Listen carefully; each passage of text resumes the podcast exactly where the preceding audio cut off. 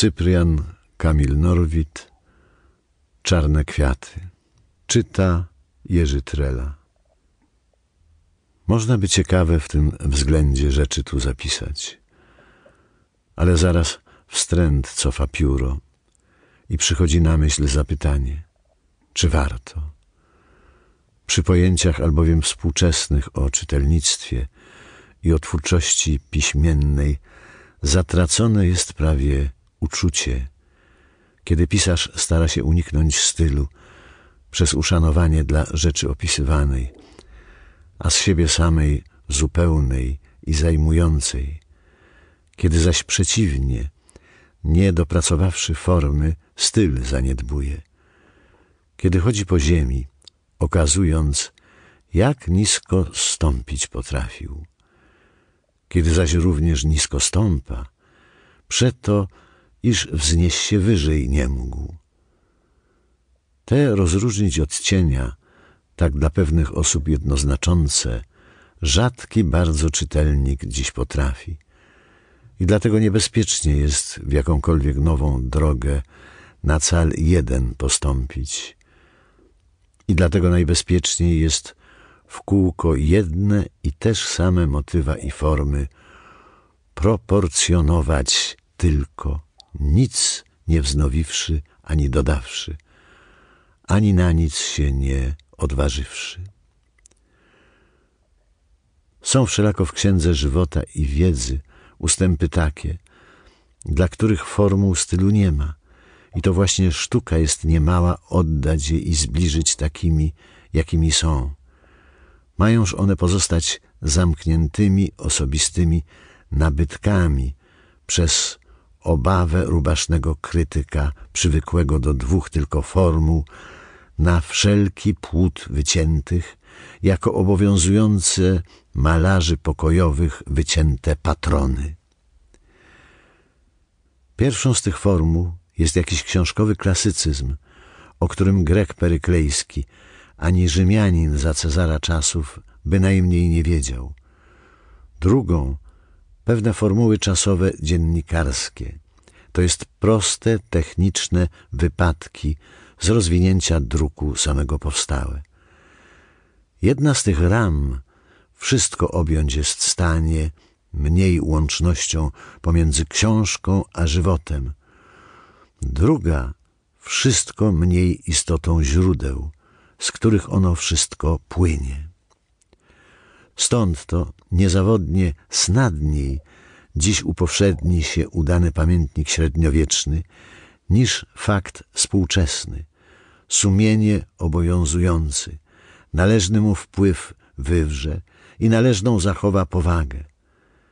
Jakoż czytelnicy podobni są w tym do osoby oddalonej od przyjaciela swego, a mającej wizerunek jego na pamiątkę, która, gdy on, przyjaciel, z drogi wraca, nie przeszkadzajcie, że mi, rzecze jemu, bowiem oto godzina jest, w której na portret patrzeć zwykłam, listy właśnie, że pisać mając. To pamiętam, jednego razu w Rzymie z katakomb powracałem, gdzie często patrzeć lubiłem na pozostałe freski pierwochrześcijańskie. Rzecz, o której tu napoczynać nie chcę, bo to byłaby historia bardzo długa, o każdym znaku i o każdej linii w tych rysunkach używanej. Ale tyle tylko o to wspomnę, iż to ogromne podziemne miasto z napisami i rysunkami swymi okazało mi, jako przez całe akta dramatu tego seraficznie krwawego, nie była prawie jedna kropelka krwi wylana bez uszanowania jej i omodlenia braterskiego współwyznawców. Te szkła, dziś błękitno-krzemiennej barwy, które jako ampułki rozbite, albo i całe, w katakombowych sarkofagach do półek biblioteki podobnych, tu i owdzie leżą, błogie robią wrażenie, świadcząc, jako zbierano rozpryśniętą po ścianach katowni i schodach gmachów publicznych krew męczeńską. Tak ją szafowano szeroko i wspaniale, jako owczarni krew bogaty pan szafować może. A tak skąpi jej byli. To około tego czasu spotkałem był wstępującego ze schodów hiszpańskich, pochylonego jako starca i kijem pomagającego chodowi swemu, Stefana Witwickiego. Śliczna młodości jakiejś wiecznej, pełna twarz jego i włosy, jak z hebanu mistrzowsko wyrzezane ornamentacje w grubych partiach na ramiona spływające. Szczególniej wyglądały przy tym sposobie wleczenia się o kiju, bardzo zgrzybiałym starcom jedynie właściwym. Niedługo potem odwiedziłem go był w mieszkaniu jego, ale już to zaszło przed śmiercią jego na jaki tydzień. Leżał ubrany jak zwykle na kanapie. Męczyło go mówienie. Spoglądał tym samym wzrokiem, niezwykłą zawsze jasność i zarazem krople łzy mającym w sobie. Tudzież podnosił się niekiedy, podając rękę komu, aby go przeprowadził po pokoju. Tak to spojrzawszy ku mnie, wchodzącemu doń, przywitał mnie, a wyciągnąwszy rękę, posunął mi po ziemi leżącą przy kanapie pomarańczę, którą, że zwyczaj miał mniej Gabrielowi Różnickiemu, jak mu się co w pracach naszych podobało, przynosić cygara i fraszki jakie, uprzejmie przyjąłem i podniosłem. Gabriel właśnie, że był tam, bo on do ostatniej chwili, całe noce, przy świętej pamięci Stefanie, już zupełnie zdefigurowanym ospą siadywał, usługi wszelkie mu oddając. Otóż Stefan Witwicki dał zrozumieć Gabrielowi, że chce z kanapy wstać, a ten mu rękę podał i zaczęli w koło pokoju powoli obchodzić.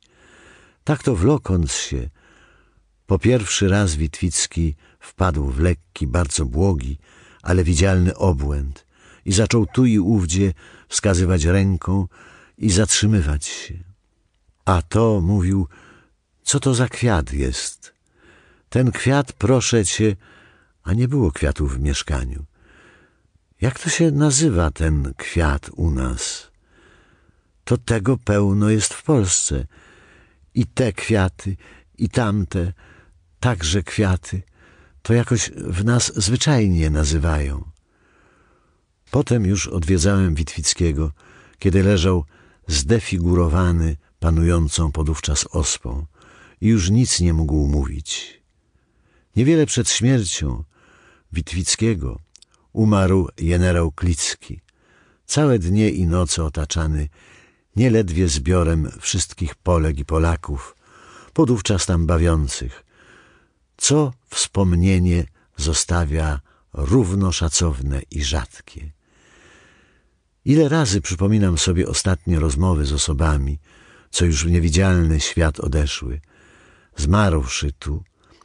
Tyle razy nie wiem, jak pominąć to, co ze zbioru razem wspomnień tych samo czasem zdaje się określać. I dlatego właśnie w dagerotyp raczej pióro zamieniam, aby wierności nie uchybić. Inaczej przyszłoby mi bowiem zacytować słowa jedynie Voltera, jakie kiedykolwiek na myśl mi przychodzą lub przychodziły z autora tego, a te są Je tremble car ce que je veux dire ressemble à un système. Voltaire. Może też to najfilozoficzniejszy filozofa tego apoftegmat. To później, później w Paryżu Fryderyk Chopin mieszkał przy ulicy Chaillot, co od pól elizejskich w górę idąc w lewym rzędzie domów, na pierwszym piętrze, mieszkania ma z oknami na ogrody i panteonu, kupole i cały Paryż, jedyny punkt, z którego napotykają się widoki cokolwiek zbliżone do tych, które w Rzymie napotykasz. Takie też i Chopin miał mieszkanie z widokiem takim, którego to mieszkania główną częścią był salon wielki o dwóch oknach, gdzie nieśmiertelny fortepian jego stał, a fortepian bynajmniej wykwintny, do szafy lub komody podobny, świetnie ozdobiony jak fortepiany modne, ale owszem trójkątny, długi, na nogach trzech, jakiego zdaje mi się już mało kto w ozdobnym używa mieszkaniu. W tym salonie jadał też Chopin o godzinie piątej, a potem zstępował jak mógł po schodach i do bulońskiego lasku jeździł, skąd wróciwszy, wnoszono go po schodach, iż w górę sam iść nie mógł. Tak jadałem z nim i wyjeżdżałem powielokroć i raz do Bogdana Zaleskiego, który w Passy mieszkał wtedy. Po drodze wstąpiliśmy, nie wchodząc doń na górę do mieszkania, bo nie było komu Chopina wnieść, ale pozostając w ogródku przed domem, gdzie maleńki jeszcze wówczas poety synek na trawniku się bawił. Od zdarzenia tego ubiegło wiele czasu, a ja nie zachodziłem do Chopina, wiedząc tylko zawsze, jak się ma i że siostra jego z Polski przybyła. Nareszcie zaszedłem razu jednego i odwiedzić go chciałem. Służąca francuska powiada mi, że śpi. Uciszyłem kroku, karteczkę zostawiłem i wyszedłem. Ledwo parę stąpiłem schodów. Służąca powraca za mną, mówiąc, iż Chopin, dowiedziawszy się, kto był, prosi mnie. Że jednym słowem nie spał, ale przyjmować nie chce. Wszedłem więc do pokoju, obok salonu będącego, gdzie sypiał Chopin, bardzo wdzięczny, iż widzieć mnie chciał. I zastałem go ubranego, ale do pół leżącego w łóżku, z nabrzmiałymi nogami, co że w pończochy i trzewiki ubrany był, od razu poznać można było. Siostra artysty siedziała przy nim, dziwnie z profilu doń podobna.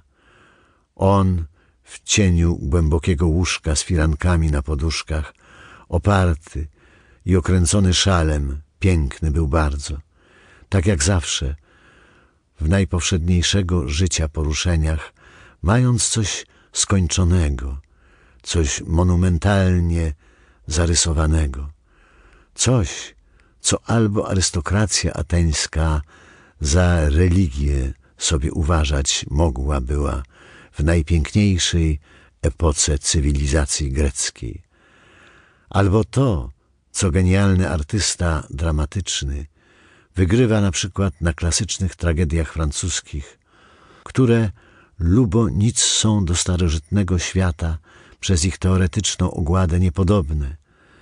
Geniusz, wszelako takiej na przykład Racheli, umie je unaturalnić, uprawdopodobnić i rzeczywiście uklasycznić.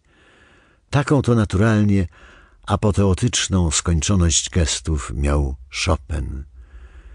Jakkolwiek i kiedykolwiek go zastałem. Owóż przerywanym głosem dla kaszlu i dławienia wyrzucać mi począł, że tak dawno go nie widziałem. Potem żartował coś i prześladować mnie chciał najniewinniej o mistyczne kierunki, co że mu przyjemność robiło. Dozwalałem. Potem z siostrą jego mówiłem. Potem były przerwy kaszlu. Potem moment nadszedł, że należało go spokojnym zostawić.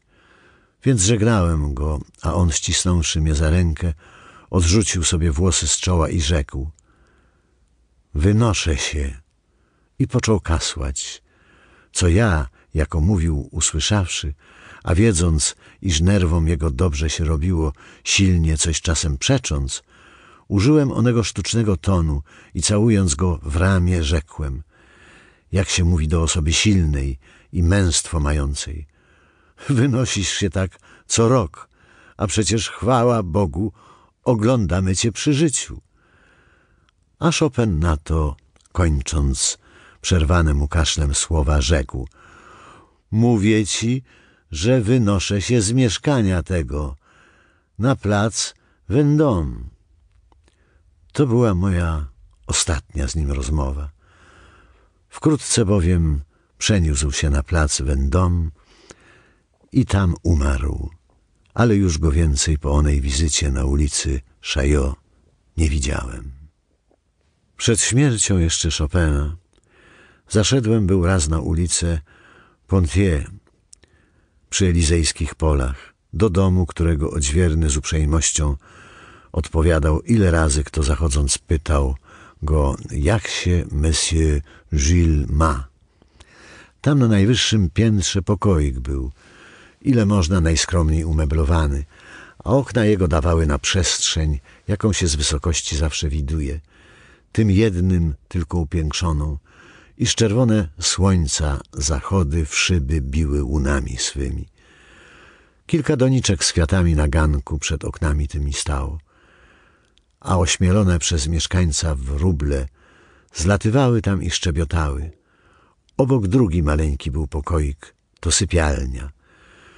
Było to więc jakoś około piątej godziny po południu, kiedy przedostatni raz byłem tam u Juliusza Słowackiego, który właśnie kończył obiad swój z zupy i pieczonej kury składający się. Siedział przeto Słowacki przy stoliku okrągłym na środku pokoju, ubrany w długie, podszarzane palto i w amarantową, spłowiałą konfederatkę, akcentem wygody na głowę zarzuconą. I mówiliśmy tak o Rzymie, skąd właśnie, że niezbyt dawno przybyłem do Paryża, o niektórych znajomych i przyjaciołach, o bracie mym Ludwiku, którego świętej pamięci Juliusz rzewnie kochał, o nieboskiej komedii, którą wysoko bardzo cenił, o przedświcie, który miał za piękne dzieciństwo. Także o sztuce, że wpadła w mechanizm, także o Chopinie, który żył jeszcze, o którym Juliusz, pokasując, rzekł mi. Parę miesięcy temu spotkałem jeszcze tego moribunda. Sam wszelako pierwej od Fryderyka Chopina odszedł ze świata widzialnego, umarłszy.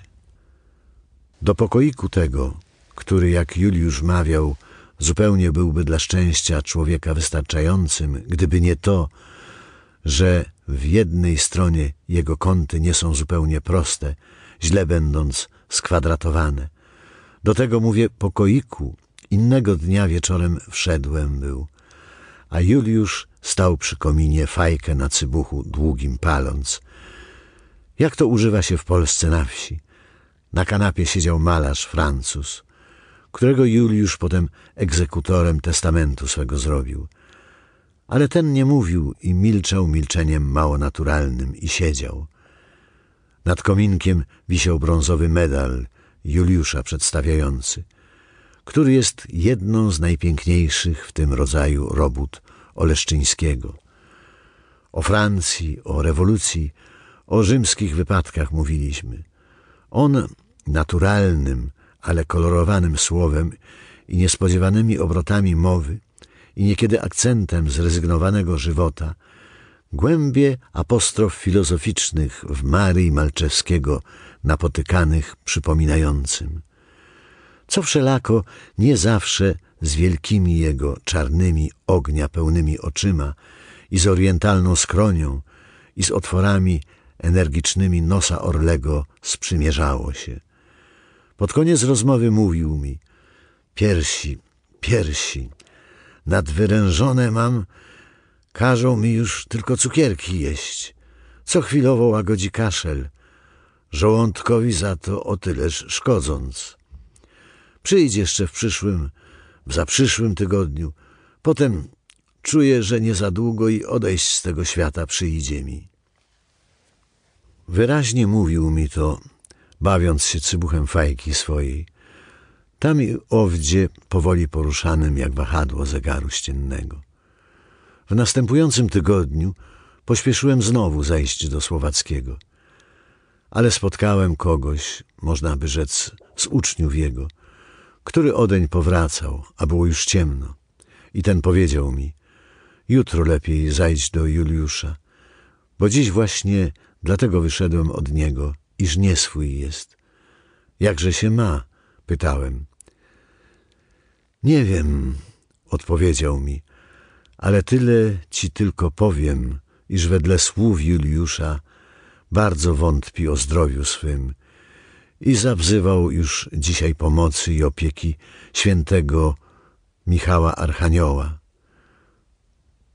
tusząc, że mu to sił na jakiś czas użyczy. Te słowa usłyszawszy, lubo bez dwuznacznego zadziwienia, powiedziałem, że Słowacki bardzo religijny był. Na inny dzień odwiedziny moje odłożyłem. Ten inny dzień w następnym tygodniu wypadł, ale już to o rannej godzinie było. I było to tak, że wszedłszy pierwszy, widziałem ciało zimne Juliusza, bo w nocy poprzedniej, sakramentami opatrzony, list od matki swej nadeszły właśnie w chwili skonania odczytawszy, zasnął śmiercią i w niewidzialny świat odszedł. Mało piękniejszych twarzy umarłego widzi się, jako była twarz Słowackiego, rysująca się białym swym profilem na spłowiałym dywanie ciemnym, coś z historii polskiej przedstawiającym, który łoże od ściany dzielił. Ptaszki zlatywały na niepielęgnowane doniczki z kwiatami. Krzątano się koło pogrzebu, a pogrzeb ten, jaki był, to różni, różni opisali. Ja na pogrzebie tym żeńskich istot widziałem dwie. Jedna z tych rzewnymi łzami zalana była, co mi wspomnieniem zostało bardzo pocieszającym na wiele dni potem, kiedy liczne podówczas społeczeństwo polskie w Paryżu bawiące się odwiedzałem był, bo wiele było, jak zawsze świetnych i niepospolitych, Polek podówczas w Paryżu. Mam rysunek Juliusza, który on w Egipcie rysował z natury, bo pejzaże zwłaszcza rysował wcale dobrze, ale przeciąłem pamiątkę tę na dwie części jedną do albumu osoby z kraju przybyłej ofiarowałem, drugą zostawując sobie, aby sprawdziły się słowa w Beniowskim napisane, iż prawą rękawiczkę Twą zawieszą w muzeum jakim, a o straconą lewą będą skargi.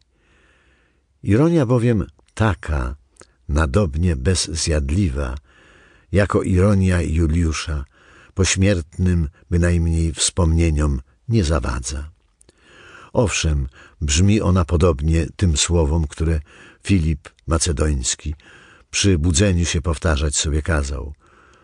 Królu, słońce już wschodzi, pomnij przez cały dzień, że śmiertelnikiem jesteś. To zaś przypomina mi zupełnie odrębną rzecz, o osobie bynajmniej sławnej, bynajmniej zasłużonej talentem, pracą lub cierpieniem, o osobie, której nazwiska nawet nie wiem, a narodowość wątpliwie wiem. Dołączę tu więc wspomnienie osoby śmiertelnej, nieznanej mi, niemniej ściśle wierne, z natury wzięte. Czynię to zaś tym swobodniej, iż na wstępie zastrzegłem, co o krytyce, krytykach i stylu książkowych trzymam i tuszę w treści, jako niniejsza, w której za cały interes właśnie uważam ścisłą tylko wiarygodność sprawozdania. Otóż było to w parę lat po śmierci powyżej zapisanej. Nie byłem w Paryżu, nie byłem we Francji, ani w Londynie, ani w Anglii, ani w Europie, ani w Ameryce. Byłem na kotwicy, na pierwszym wstępnym pasie Oceanu Atlantyckiego, pomiędzy wyspami kredowatej białości, połamanymi w ściany prostopadłe. Niedziela była, słońce na niebiosach bez chmur, niżej ciemno-atramentowo-safirowe ogromne fale, ale cisza taka, że żagiel żaden nie drgnął, sznur żaden, niedbale spuszczony, nie poruszył się. Nie widziałem jeszcze wszystkich osób, ekwipaż składających, a wszystkie dla słońca pięknego na pokład wychodziły. Właśnie. Siedziałem na ławce pod masztem wielkim. Przy mnie nowy znajomy, światły młodzieniec jakiś, z rodu Izraelita, z którym często mawiałem. Płynąć nie można było dla zupełnego braku wiatru i kiedy się dalej popłynie, zgadnąć nie można było. Kiedy tak siedziałem, nieskończoną przestrzeń fal przed oczyma mając, przewiała przed nami suknia kobieca, a obok mnie siedzący współpodróżnik rzecze mi po francusku. Patrz pan, który jesteś artystą, jaka piękna kobieta właśnie przeszła. Biednemu pieskowi w tę wielką podróż zabranemu mleka na talerzu wynosząc, w dzień, w który wszyscy cieszyli się pogodą i niedzielą, a to szczenie biedne ani wiedziało, gdzie i na jak długo zaniepodziało się. Że nie spojrzałem, jak mi towarzysz radził, odpowiedziałem mu więc, jak to się mówi, kiedy o czym innym właśnie myślisz. Właśnie, że dlatego teraz nie pójdę jej oczyma szukać. Kobiety bowiem najpiękniejsze są wtedy, kiedy nie słyszą, ani widzą, ani zgadują, że się spogląda na nie. Będę więc uważał ją innym razem.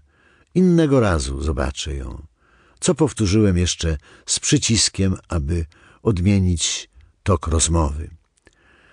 Ale że to była dziwnie piękna osoba, podobno Irlandka, to przecież i tak, kiedy przesunęła się, spostrzec można było, boć ze stereoskopów już wyraźnie dziś wiemy, ile to człowiek obejmuje wzrokiem mimowolnie, choćby i nie patrzył się wprost na przedmiot.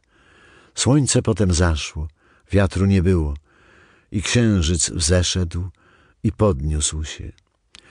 I zasnąłem w kajucie ciasnej, dusznej i straż tylko po pomoście okrętu trzymasztowego przechadzała się. Krzyk jakiś rozległ się w nocy. Jacyś ludzie przebiegali z latarkami. Wielki murzyn, służący, główny okrętowy, tu i tam przewinął się po schodach, doktora szukając. O świcie ruch był jakiś niezwykły na okręcie. Wstałem i wyszedłem na pokład. Ta osoba młoda i piękna, którą obiecałem był innym razem uważać i widzieć, nagle umarła w nocy. Zwyczaj jest, że w takim razie przeznaczonym na to czarno-safirowym żaglem w wielkie białe gwiazdy obrzuconym przykrywają to miejsce, gdzie zwłoki leżą. Taka plama czerniła na środku pokładu o wschodzie słońca. Tu przychodzi mi na myśl, czy poezje te, co prawdy rylcem ścisłej sama się w żywotach zapisuje, warto jest dla cynicznego czytelnictwa dzisiejszego piórem z niepamięci wywodzić i określać. Romans jaki, fantastycznie skłamany, po zażyciu indyjskiego haszyszu, przyjemniejsze i pożądańsze wrażenie zrobi. Później, później, kiedy do Europy powróciłem, Adam Mickiewicz mieszkał w okolicach placu Bastylii, w gmachu biblioteki Arsenału, gdzie i bibliotekarzem był. Miejsce to przepowiedziany przez niego człowiek z dynastii wielkiego Napoleona, dzisiejszy imperator francuski, ofiarował świętej i wiekopomnej pamięci Adamowi Mickiewiczowi. Miejsce szczupłe, mało nawet jako fundusz dla familii licznej poety przynoszące, a ofiarowane mu, zdaje się, dobrze już potem, kiedy w dziennikach czytało się, iż profesor kolegium francuskiego Adam Mickiewicz i małoliczni inni odmówili przysięgi na wierność imperatorowi francuskiemu. Około to późniejszych jeszcze tego panowania miesięcy bibliotekarz do imperatora napisał też Horacjusza językiem ode, nieskończenie z formy przystającą do urzędu i miejsca powierzonego mu. Więc to krótko przed misją na wschód, na jaką z bibliotekarstwa udał się był pan Adam, zaszedłem doń do gmachu biblioteki Arsenału, gmachu ciemnego z korytarzami i kamiennymi wschodami. Było to w niedzielę, bo pamiętam, że ze mszy szedłem i książkę z sobą miałem. A szedłem go przywitać więcej niż kiedykolwiek serdecznie, bo bliżej, bliżej zaś z powodu, iż dochodziło mnie było, że wspomniał mnie, kiedy w Ameryce zostawałem, a kiedy tam odpłynąłem, powiedział tylko komuś, to on tak jakby na Père Lachaise pojechał. Co, że zrozumiałem, było mi przyjemnie, iż ktoś mnie wspominał w Europie. I dlatego też przyjemnie szedłem przywitać go. Wesoło spojrzał na mnie i uścisnął, i rozmawiałem z nim do zachodu słońca, bo pamiętam, że czerwono zrobiło się w oknie, kiedy myśliłem odejść. Pokoik to był mały, z piecykiem dobrze zapalonym, gdzie od razu do razu pan Adam poprawiał nieco węgle kijem. Ubrany był pan Adam w futerko wytarte, szaraczkowym suknem powleczone, które skąd w Paryżu można było dostać, tej barwy, kroju i podżyłości. Pytanie ciekawe, bowiem była to, zdaje się, kapota, jaką zagonowa szlachta zimą nosi w prowincjach dobrze od Warszawy oddalonych. W pokoiku wisiała piękna rycina przedstawiająca świętego Michała Archanioła podług oryginału, który jest u kapucynów w Rzymie, czy też podług tego obrazu Rafaela, który w Luwrze jest, tego dobrze nie pamiętam. Także Ostrobramska Matka Najświętsza i Dominikina, oryginalny rysunek komunię świętego Hieronima przedstawiający. Jeszcze także rycinka mała z Napoleona I przed generalstwem jego portretowana, a pod nią dagerotyp mężczyzny sędziwego, prosto stojącego w surducie zapiętym, jak chodzą francuskie inwalidy, a był to czas właśnie pierwszych wojennych kroków ostatniej wojny. Na biurku zaś od czasu niedawnego dopiero widzialne u pana Adama dwa niedźwiedzie pasujące się, odlew z gipsu. To było jeszcze przed śmiercią małżonki Adama Mickiewicza, po której to śmierci pogrzebie na jakie dwa tygodnie zaszedłem znów do pana Adama o godzinie może dziesiątej rano i zastałem go w progu drzwi, wychodzącego właśnie. Także drzwi, kiedy otworzyłem, wpadłem nań. Wrócił więc na jakie półtorej godziny jeszcze, przez które z nim mówiłem. A potem razem też wyszliśmy, bo miał był gdzieś iść jeszcze one półtorej godziny pierwej. Mówił mi o śmierci żony, szczegółowo bardzo pogodnie, małe zboczenie robiąc, że nieświadomość prawdy tylko daje przerażenie zgonu i rzeczy śmierci dotyczących. Aż kiedy przy jednej z ulic ja miałem inaczej obrócić drogę, a on gdzie indziej iść, zacisnął mnie za rękę i mocnym głosem rzekł mi No, ale że nigdy ani po francusku, ani tym tonem nie żegnał mnie, a tylekroć razy rozchodziliśmy się. Przeszedłem potem nieledwie na drugi koniec miasta i na schody do siebie wstępując, słyszałem jeszcze to słowo adieu. Przypadek zrządził, że nie mogłem widzieć odtąd pana Adama, ani pożegnać go, kiedy na wschód wyjeżdżał. Słowem, że to ostatnie było one dziwnie mi podówczas brzmiące pożegnanie. Co aby jaśniejszym było dodać trzeba, że nieboszczyk pan Adam miał to do siebie, iż nie tylko co mawiał, ale i jak mawiał, zatrzymywało się w pamięci.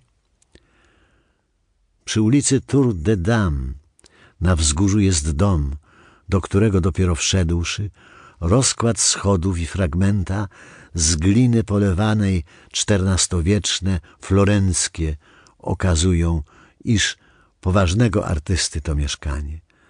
Tam, gdy niedawno wszedłem był, a potem na najwyższe piętro do atelier pana de la Rocha, wielki artysta raczył mi pokazać ostatni obraz swój, właśnie, że skończony.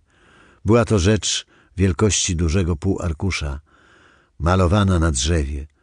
W zaułku jerozolimskim dawało się więcej czuć niż widzieć przez podobną do okna szczelinę, iż człowiek, którego zwano mistrzem, rabim, mesjaszem, królem i prorokiem i uzdrawiającym pewnym lekarzem, a który był Chrystus, Syn Boga żywego, właśnie, że jest wzięty przez straże i prowadzony od urzędu do urzędu, a może właśnie na górę trupich głów.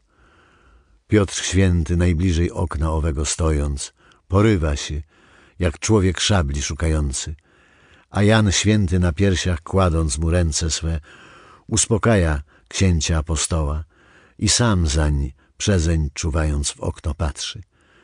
Ta grupa jest przy ścianie okna, po niej ustęp jak w Stabat Mater, ustępy strof. Dalej klęczy Matka Najświętsza, jak się klęczy przed ołtarzem w kościele, kiedy jest wystawienie Najświętszego Sakramentu. Za nią ustęp znowu i grupa świętych niewiast w katakumbowej jakiejś architektury cieniach. Oto obraz cały z męki pańskiej, w którym osoby Zbawiciela widocznej nie ma, ale jest ona tylko w gamie wyrazów twarzy osób męką pańską widzących wyrażona. Wielce uradowany, iż jest przecie na świecie artysta, patrzyłem na ten maleńki obrazek, a że świętej pamięci de la Roche, tak jak bywało kiedyś Ary Szefer, raczył mi pozwalać, abym oglądane utwory jego mówił wszystko, co mi się zdaje. Ja zaś, na tym już stopniu stojącym artystom, nie mniemam, aby inaczej się mówiło.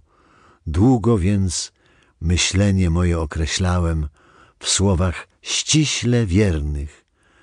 I skończyłem na tym, że sądzę, iż obraz taki następstwa swoje mieć powinien i że sam jeden oderwanie wzięty niepełną jest rzeczą. Na co mi pan de la Roche odpowie? Trzy właśnie takie robić chcę, aby to sformowało trylogię. Potem pokazał mi jeszcze portret Tiersa, wyborny pod wszelkim względem. I znów do małego obrazka powróciwszy, rzekł mi tonem żegnalnym, bo właśnie ktoś nadchodził jeszcze. Tak, trzy dopiero obrazy tego rodzaju razem wzięte okażą całość.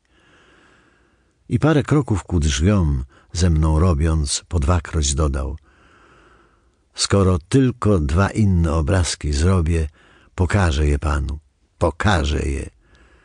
Co zwykł był określać dobitnie, bo nie eksponował publicznie dzieł swoich, ani nie każdemu je pokazywał, zwłaszcza od niejakiego czasu. Odtąd nie widziałem już pana Delarosza, w którego śmierci ostatni promyczek Leonarda da Vinci mrokiem się okrył. Dowiadywałem się, czy dwa inne obrazki zaczęte były przed śmiercią wielkiego artysty. Ale nie. Może w szkicach? Rzeczy tu opisane, czarnymi kwiatami zwe, wierne są jak podpisy świadków, którzy pisać nie umiejąc, znakami krzyża niekształtnie nakreślonego podpisują się. Kiedyś w literaturze, którą może zobaczę innym razem, pisma takie nie będą dziwnie wyglądały dla szukających powiastek czytelników. Są bowiem powieści i romanse, i dramy, i tragedie w świecie niepisanym i nieliterackim, o których się naszym literatom ani śniło, ale te określać, czy warto już?